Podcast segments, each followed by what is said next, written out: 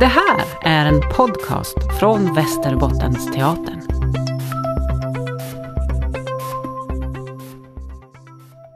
Alltså jag bjöd in alkoholen för ofta och den tog över mitt liv.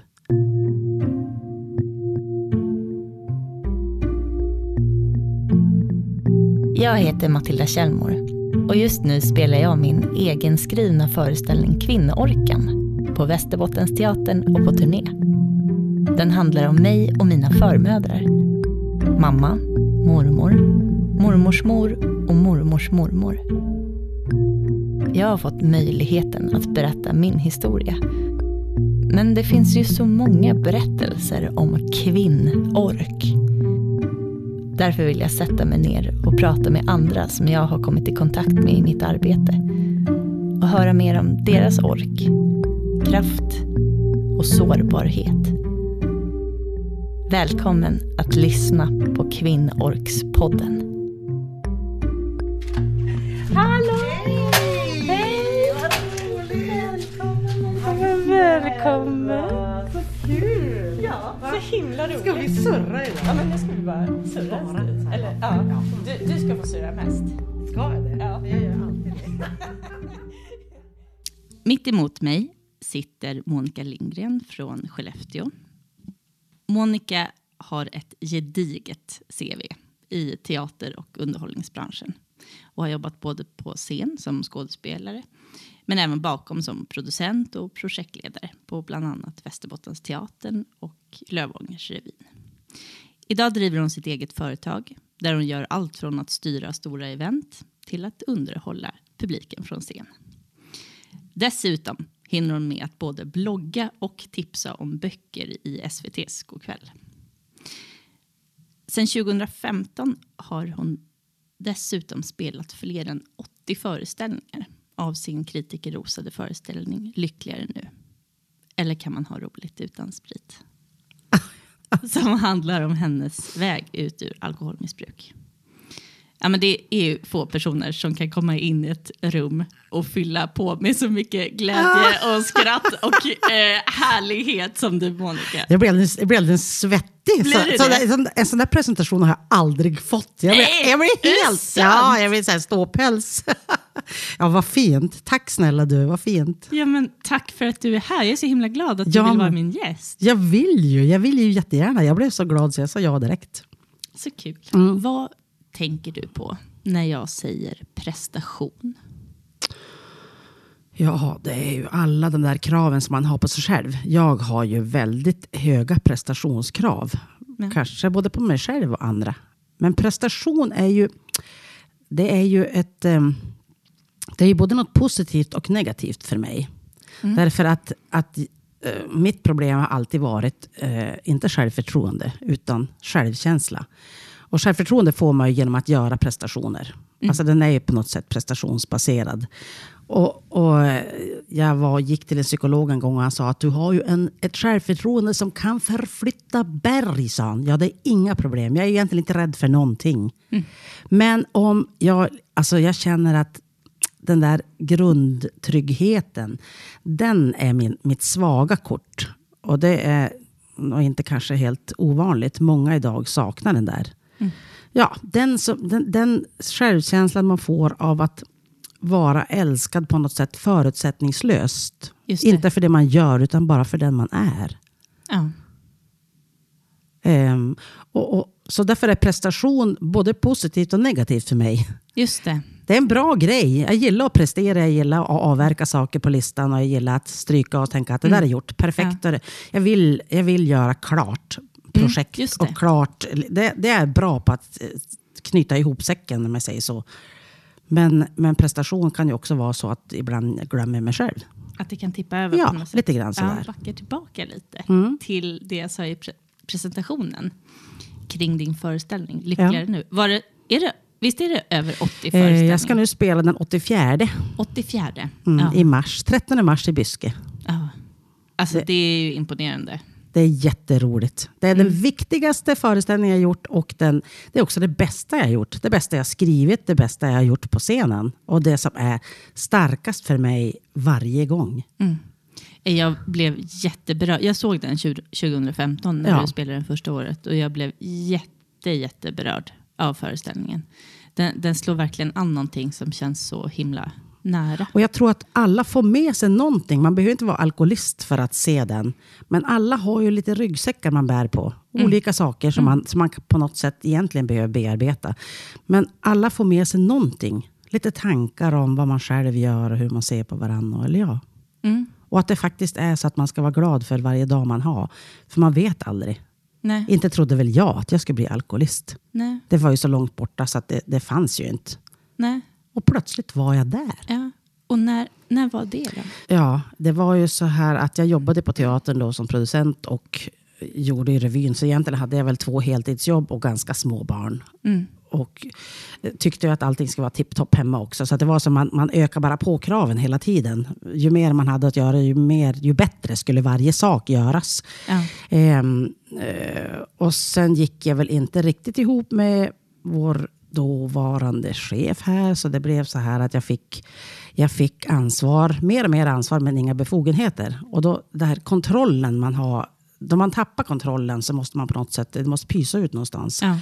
Ehm, och jag tror att jag har, eller jag vet att jag har ett enormt kontrollbehov. Så jag är nog inte riktigt lätt att, att leda i någon tygel heller. Men eh, eh, jag jobbade ju så mycket, stressade så mycket så att jag knappt sov på nätterna och vaknade med du, Ja. sådär, klockan fyra och hade saker och ting som jag kom på att jag måste göra och skriva ner. Och, alltså, stress även under sömntid, vilket gjorde att jag fick panikångest. Just det. Och det var ju fruktansvärt jobbigt. Och någonting som man egentligen kanske inte, det, inte kunde prata om. Det här var i slutet på 90-talet.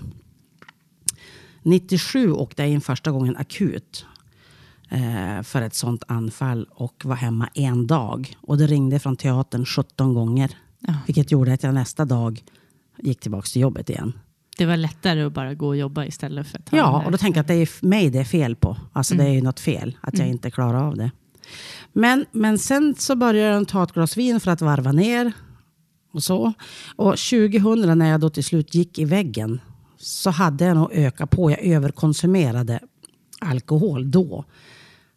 Men var ju inte helt eh, på det klara med att jag inte kunde välja själv. Nej, just det. Nej. För man tänker att ja, men jag tar ett glas vin. Och min man sa så här att, han- att eh, ja, men du kunde ju ta ett glas vin och sen somnar du i soffan direkt. Alltså det var ju som bara släcka lyset. Alltså det var den där lugnet. Alkohol fungerar ju direkt om du har ångest. Men är i sig också ångestframkallande. Vilket gör att ju mer du dricker, desto mer ångest får du. Och så måste man, det blir som en ond cirkel. Och en quick fix. Quick fix och en ond cirkel så måste man bättra på det där. Så medan jag var sjukskriven så, så kanske jag ökade på det där ännu mer. Jag åkte på behandling 2008. Och då tänkte man att det tog alltså, Ja. det tog den. Det var väl kanske fem år som var riktigt tuffa. Mm. Och det sista året som var hemskt. Ja. Som jag aldrig vill uppleva igen. Nej. Så att det gick ganska fort där. Men man måste vara på sin vakt på något vis. Jag har alltid Mm. druckit alkohol ganska normalt. Alltså inte, jag, var inte, jag var inte fullast på festerna eller drack mest. Eller så här. Det var inte mitt problem. Nej. Och jag har inte varit på lokal var liksom så här. Det, det har aldrig varit intressant för mig. Nej, Utan det har varit den här nervarvningen och avkopplingen. Och Just där det. tror jag det är en fara och så bag-in-box för kvinnor att trilla Just det. dit. För att man ser Man inte hur det mycket man har hemma. Mm. Utan det är så här, eh, ja. En liten dutt En där. flaska ser du ju när den tar slut. Ja. Och då vet du att en hel flaska är ju ganska mycket. Ja. Men du ser nästan inte att du har tagit en flaska ur en box. Nej. Så att det är lite så här, ja. Jag, jag skyller inte på någon annan än mig själv. Men jag tänker att om jag hade vågat prata mer om psykisk ohälsa. Kanske jag hade druckit mindre. Just det. För att det var på något sätt där det började. I utbrändheten. Ja. Och i de här liksom. Alltså någon sorts eh, självmedicinering. Och där gick det över till alkoholism. Och sen var det som bara det.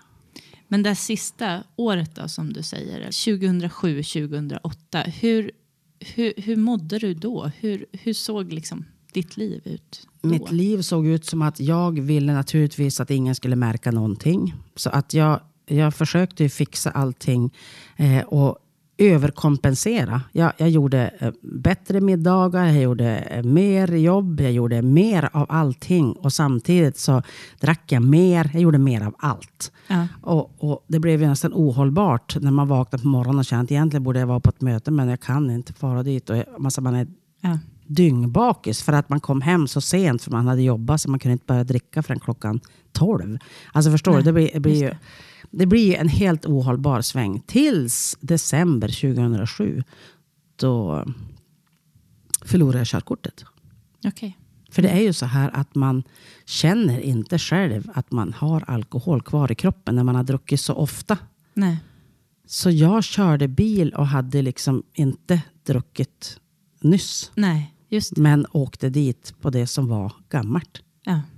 Och det var, det var ju faktiskt det bästa som kunde ha hänt. Ja. För då blev det ju verkligen, då blev det, då blev det tydligt att du är alkoholist, eller jag är alkoholist. Jag måste söka hjälp, jag måste be om hjälp. Jag klarar inte det här själv. Hur var det då? Att be om hjälp? Åh, det, var, det är ju faktiskt nästan det svåraste av allt. När man är en duglig person, en kvinna. Jag har ju alltid tänkt att aldrig någonsin vara beroende av en man. Nej. Jag ska klara mig själv. Alltså jag flyttade hemifrån när jag var 16. Jag sa till mina föräldrar, ni behöver inte ge mig en krona. Jag klarar mig själv. Och så har det ju varit Mm. eh, hela tiden. Men, men eh, det var inte, det var inte roligt. Det var, det var inte lätt. Det, det var ju att släppa kontrollen och att, att eh, erkänna att jag faktiskt inte fixar det här. Nej. Men så här i efterhand så vet ju jag att man måste be om hjälp. Man kan inte klara det själv. Att, att försöka bli nykter på egen hand, det är som att, att, att knäppa ihop händerna på vita knogar. Alltså kämpa. Ja. Du får kämpa varenda dag. Men, men du har liksom inga verktyg. Nu vet jag att det finns självhjälpsgrupper och det finns terapi och det finns behandling och det finns medicin till att börja med. Eller, så man liksom känner att man får stöd. Så att man kan leva nykter utan att ha liksom fingrarna knutna. Eh, och så lever jag ju nu. Nu Ja. har jag ju varit nykter i snart... Jag hade ju ett återfall som inte var så kul, men, men eh, i snart nio år.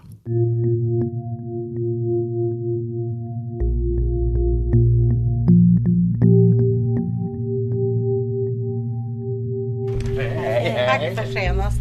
Nytt batteri har jag nu. Nu klarar jag mig idag. Du klarade det idag, ja. Tack. Jag tog mig till Forslös. Hej Berit. Det har jag ockuperat. Så Är vi, allt väl? Har du pysslat här igen nu? hörru, Fint. Alltid fint.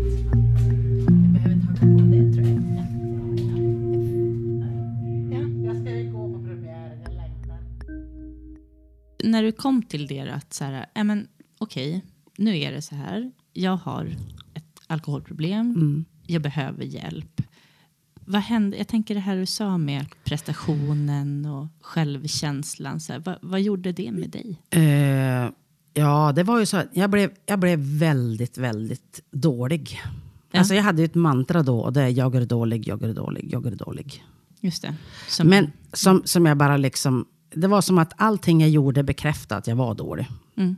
Och, och det var bara, jag ville nästan försvinna från jordens yta. Inte så att jag hade några självmordstankar, det hade jag inte. Men, men jag insåg att jag, allt jag gjorde var, var så under all kritik, alltså min egen.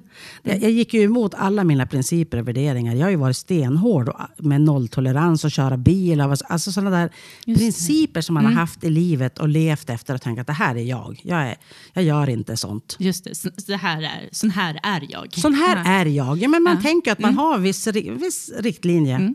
Ingenting var... Jag var, jag var helt... Det är ju så att när man, när man blir alkoholist så blir hjärnan på något sätt som kidnappad. Det är inte jag som bestämmer längre. Utan man blir- lite personlighetsförändrad. Det är därför att familjer också brakar ihop. För att det är ju inte samma människa som du gifte dig med för 20 år sedan. Eller för, ja. Man, man förändras och man blir en egoist som bara tänker på sig själv och sitt eget drickande. Och man blir stressad för att man måste se till att ha hemma. Och man måste, ja, det, det, är- du vet, nu spelar det ingen roll om mjölken tar slut, för jag kan ju fara och köpa den Ja, när precis. som helst. alltså, om, Ja. om macken är öppen till 12, ja, men då far jag dit. Och Ja. Jag kan gå och handla på, eh, på stora affären på lördag kväll. Det är ju nästan ingen där. Men, men jag är som så fri. Den här friheten som jag har fått är, har jag aldrig upplevt förut. Det blir som en, en boja, verkligen. Ja, verkligen. Mm. Och man ser det ju inte själv medan man är inne i det. Men efteråt, alltså jag har aldrig, eh, någon säger, kan du inte ens ta ett glas vin? Men jag säger, jag har så mycket att förlora. Alltså det, det är inte för mig. Jag vill inte spela filmen klart och se mig själv hamna i det där igen. Aldrig. Mm. Men jag tänker också att du är ju en person som har med väldigt många människor att göra i ditt jobb. Ja. Alltså på teatern och i... I allt jag gör, men så, ja. Hur var det att liksom berätta för andra om ditt missbruk? Ja, det var ju... Det var ju Början. Eller liksom i Det var ju fruktansvärt. Alltså, för att, och, och, men min man han känner ju mig eh, väl. Och det är ju tur det. För han bestämde att han skulle inte skicka mig på någon behandling. Han skulle låta mig bestämma själv. Annars skulle det liksom vara värdelöst. För att då skulle jag komma hem Ja. och säga att det där var minsann ingenting. Mm. Eh, eh, och att jag fick på något sätt fatta de besluten själv. Och sen när jag väl hade bestämt mig för att åka på behandling. Så fick jag också ringa runt till släkt och vänner och berätta det själv. För det ville inte han göra. Så det var, och det var ju helt rätt. Mm. Men det var ju fruktansvärt jobbigt. Men det är, bara, det är som bara att beta av en lista och tänka att jag måste, det här måste jag göra nu. Nu måste jag verkligen gå till botten med mig själv. Men på något sätt så var det ju så att, att jag eh, två år efter behandlingen ändå tog ett återfall. Så någonstans inom mig så hade jag någon sorts tickande bomb som, som ville kanske dricka normalt eller bli som alla andra. Eller som hade en sorg fortfarande. Som harmade att inte jag får när alla andra får. Ja, men precis. Men det, det- finns ju så mycket socialt kring Jo, exakt. Och alla andra har så roligt och alla andra blir Ja. bjudna och alla andra har... Men du vet så här, alla andra får. Det var precis som att vara tonåring eller barn igen. Mm. Alla andra får lördagsgodis på onsdagar, utom vi. Mm. Ehm, men efter det där återfallet, jag insåg att jag inte bestämde för fem öre. Alltså Mm. det, var, det var så hemskt så att jag vill aldrig, aldrig, aldrig mer uppleva det där. Så förstod jag ju att det där är verkligen inte för mig. Det är en allergi som jag kommer ha hela mitt liv och jag ska aldrig prova det igen. Just det. Så jag nådde väl min botten eh, faktiskt lite senare. Men, men återfall i sig är inte farligt om man lär sig någonting av dem. Nej. Och jag lärde mig nog allt av det där. Nej, det var ju hemskt. Men när jag var nykter ett tag så, så kände jag att, att eh, jag var ju fortfarande rädd för att gå ner på ett självhjälpsmöte. För jag tänkte att någon kunde se mig och förstå att jag var på väg dit. Även om ingen vet vars lokalen är. Men eh, att jag var på väg dit och att jag var alkoholist. Någon kunde ju tro att jag var alkis. Just det. Så Ja. det fanns ändå Ja, det där. fanns Ja. ändå där. Tills jag bestämde mig för att vad ska jag göra av det här? Alltså alla de här känslorna som bubblar och den här, den här skammen och skulden som man känner över att man inte har... Man är helt man har misslyckats som människa.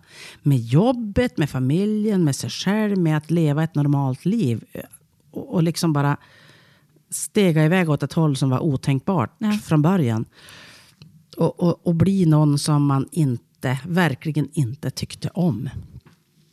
Så då tänkte jag att jag gillar att stå på scen och jag tycker om att berätta saker. Mm. Och jag måste berätta min historia själv innan någon annan gör det. Just. För någon sa så här, ja du får ju passa dig, du kommer inte att få något jobb. För att, när vadå? Ja, kommer jag sprida sig? Rykten sprids ju fort. Sådana där grejer fick man ju höra. Rykten sprids ju fort. Folk pratar ju på stan. Det var ju någon som frågade mig om du har druckit. Okej. Och det där har ju som, det landade hos mig och, och mognade kan jag väl säga då, Ja. på ett bra sätt. Och så skrev jag, eh, skrev jag en monolog med musik. För jag tänkte att jag ska göra något med musik. Och så ska jag ha med kågis. Så att jag kan ha ett bollplank som är en, en positiv kraft. När Just jag det. blir liksom låg eller när det blir liksom allvarligt. Och Ja. en balans. Um, skrev jag den och så spelade jag den när, när AA hade sitt landsmöte i Skellefteå 2014. Och så filmade jag den. Och så gav jag en kopia till båda mina barn och min man. Och så sa jag att det här vill jag göra. Men ni måste se det här, för om jag blir offentlig så blir ju också ni det. Mm, Det är som, eh, min dotter hade berättat för alla sina kompisar om hur det var med mamma. Mm. Och min man och min son hade inte berättat för någon. Nej, just det. För de var inte heller den som, de som liksom pratade om det här. Så för dem var det ju det svåraste. Min dotter hon sa ja direkt. Hon gjorde vågen och tyckte det var fantastiskt. Och min man och min son var väldigt, väldigt tveksamma.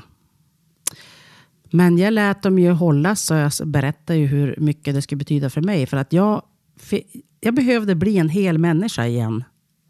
Och annars är det så att man kan tänka att 8-10 år av mitt liv är alltså borta. Vi pratar inte om dem. Vi säger ingenting om hur det var. Vi låter den där flodhästen i vardagsrummet bli jätte, jättestor. Och man går runt hela tiden och går runt hela tiden. Och för mig var det viktigt att gå från, från skam och skuld till att faktiskt vara stolt över att jag är nykter. Och att jag faktiskt är en helt duglig människa. Precis. När man är som sämst så är blicken neråtriktad. Det är som att gå på stan och titta i, liksom, på asfalten hela tiden. Men efter att jag hade gjort den här föreställningen så kände jag att jag kan titta upp och jag kan möta folks ögon igen som jag har gjort förr. Och de får säga vad de vill, men jag är fri. Och då får man tycka vad man vill om mitt drickande. Jag försvarar inte det på något sätt. Alltså jag bjöd in alkoholen för ofta och den tog över mitt liv. Och det var ju en jättekorkad inbjudan.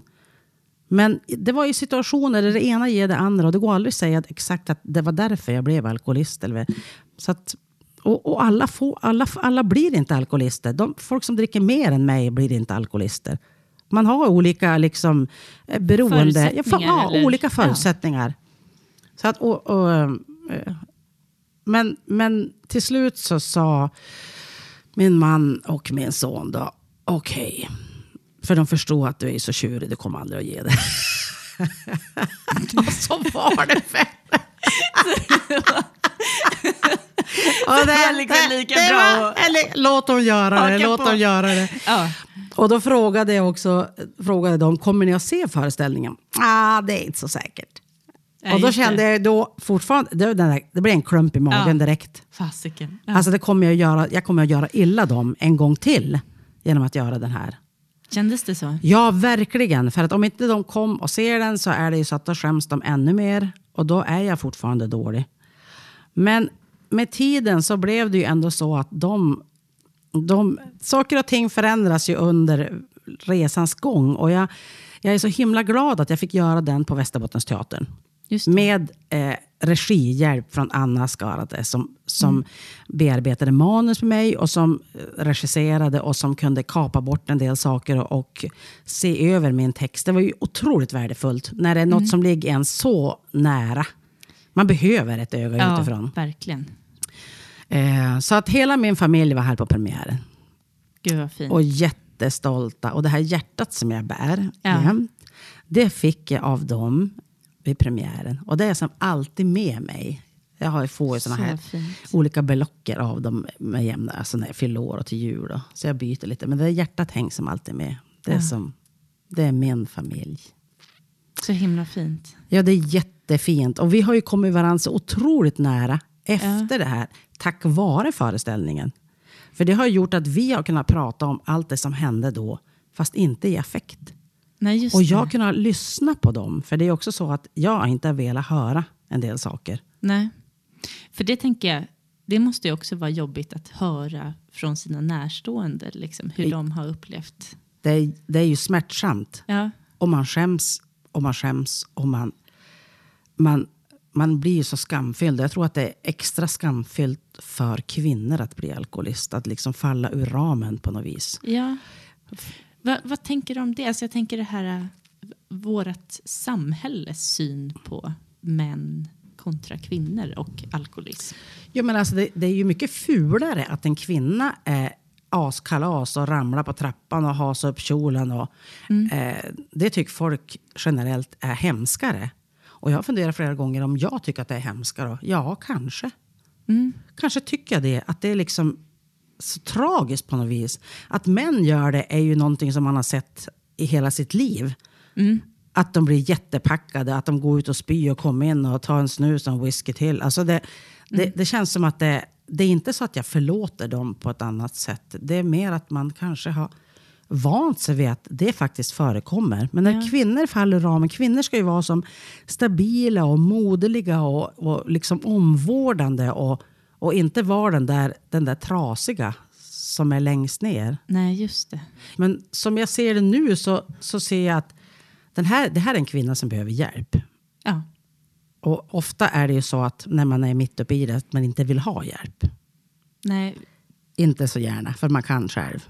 Om man Just vet det. precis hur man ska göra. Men man gör det ju inte. hur, hur ska man konfrontera? Ja, men om det är så att man... Nu är det ju så att var, var tionde människa som dricker alkohol Ja. får problem. Mm. Det är ganska många vuxna. Ja, verkligen. Ja. Och då, då, är, då finns det ju i alla släkter och i familjer och det finns på alla arbetsplatser eh, någon som... Ja.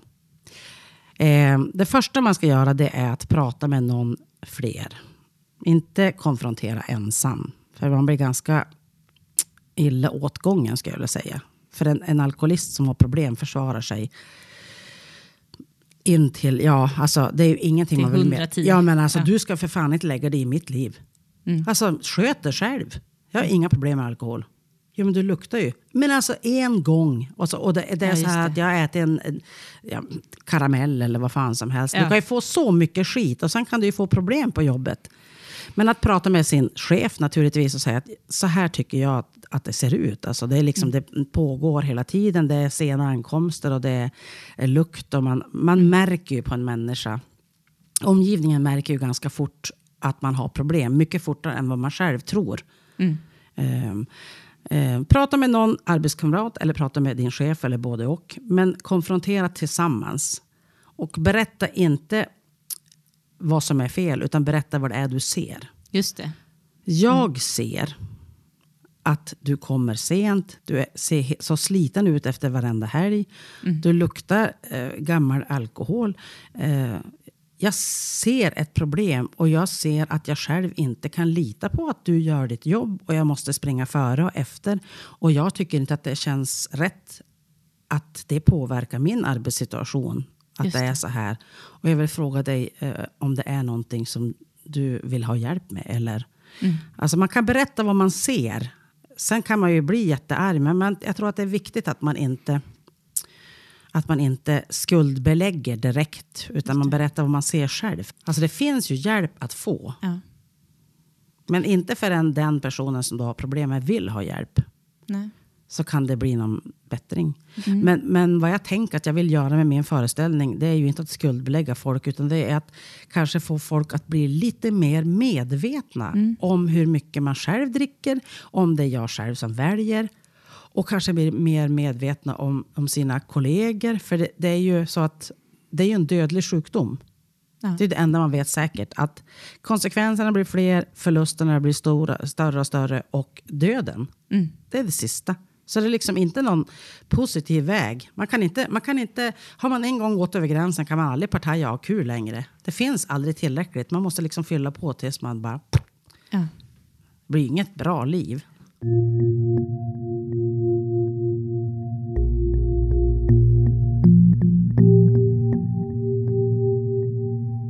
Ingenting stoppar mig. Kul att se dig Per. Ja, detsamma. Och eh, god jul.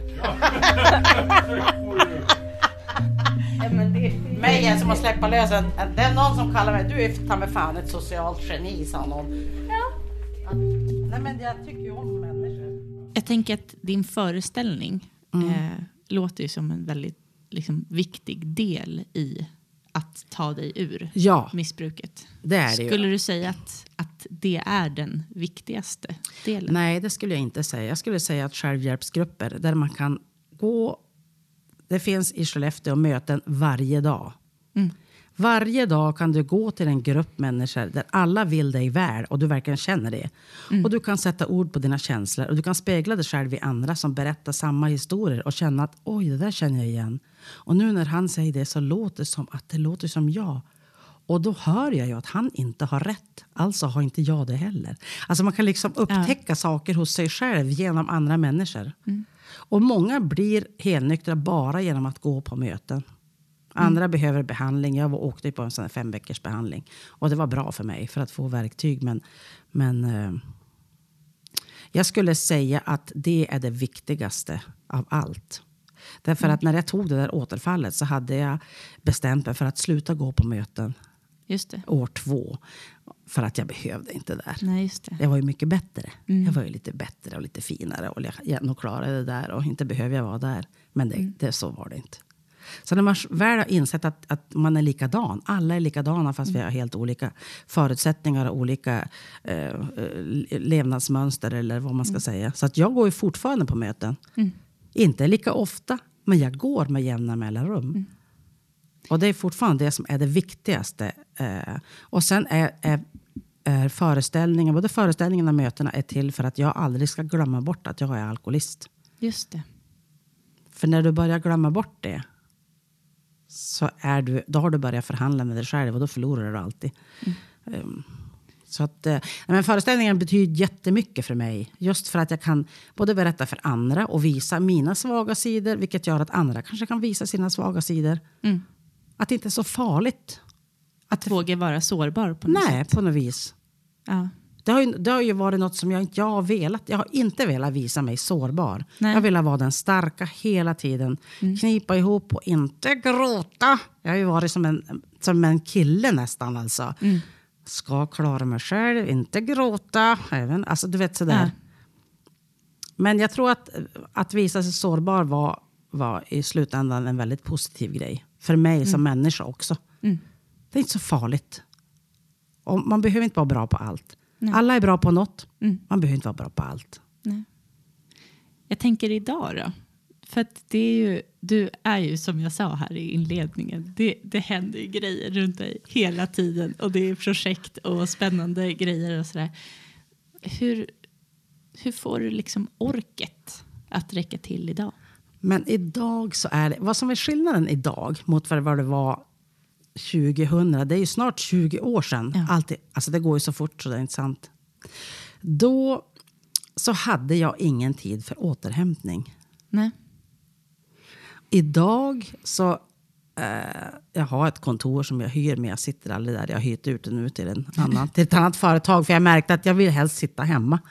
Jag vill sova länge på morgonen. Och det unnar jag mig själv om jag inte har ett tidigt möte. Men jag jobbar ju jag jobbar bäst eh, från 10 eller 11 och så jobbar jag eftermiddag. Och jag, lite grann på kvällen kan jag jobba och om eftermiddagen en stund om jag verkligen är så här i, Jobba när jag känner att jag liksom brinner för det eller att jag får skrivlusten. Då kan jag jobba oavbrutet. Men sen kan jag ta igen mig. Jag kan ligga i solstolen, jag kan ta ut datorn och sitta ute i den här vårsolen. Jag kan gå en promenad till lunch. Jag kan, så jag unnar mig och så, och så unnar jag mig motion varje dag. För att orka. Inte har jag väl alltid ork till att göra allting. Alltså jag kan titta, öppna en garderob och tänka, nej men vad fan, jag orkar inte. Alltså man vet att man borde rensa, man borde städa, man borde. Men det är faktiskt inte så farligt om det är fullt i förrådet och allting ligger huller om buller. Därför att vi mår bra och vi har liksom mat på bordet och vi är vänner hemma och, och barnen har det bra. Och ja, ja, Det är så mycket som är bra eh, som jag ser nu. Men kan, så du kan känna lite att det, att det är okej att inte ha den där orken? Eller den där Ja, det är faktiskt så här att jo, det, det är okej. Det är faktiskt okej att säga att nej, men jag orkar inte. Och jag, jag har ju en... Min syster var ju... Min, min syster är ju min lilla syster, 11 år yngre. Eh, men när jag var sjuk så blev hon eh, mitt stöd. Och även min mans. Därför att han var ju inte så förtjust i att prata med, liksom, med alla människor. Så att, men han kunde vända sig till henne och ta hjälp när det var jobbigt med mig. Alltså, så hon var ju mitt stöd. Och vi brukar säga till varandra att vi turas om att orka. Fint. Ja, för att när hon är trött och slut så säger nej men nu, nu, tar, nu tar jag, jag tar hand om mamma för nu, får jag, nu orkar jag.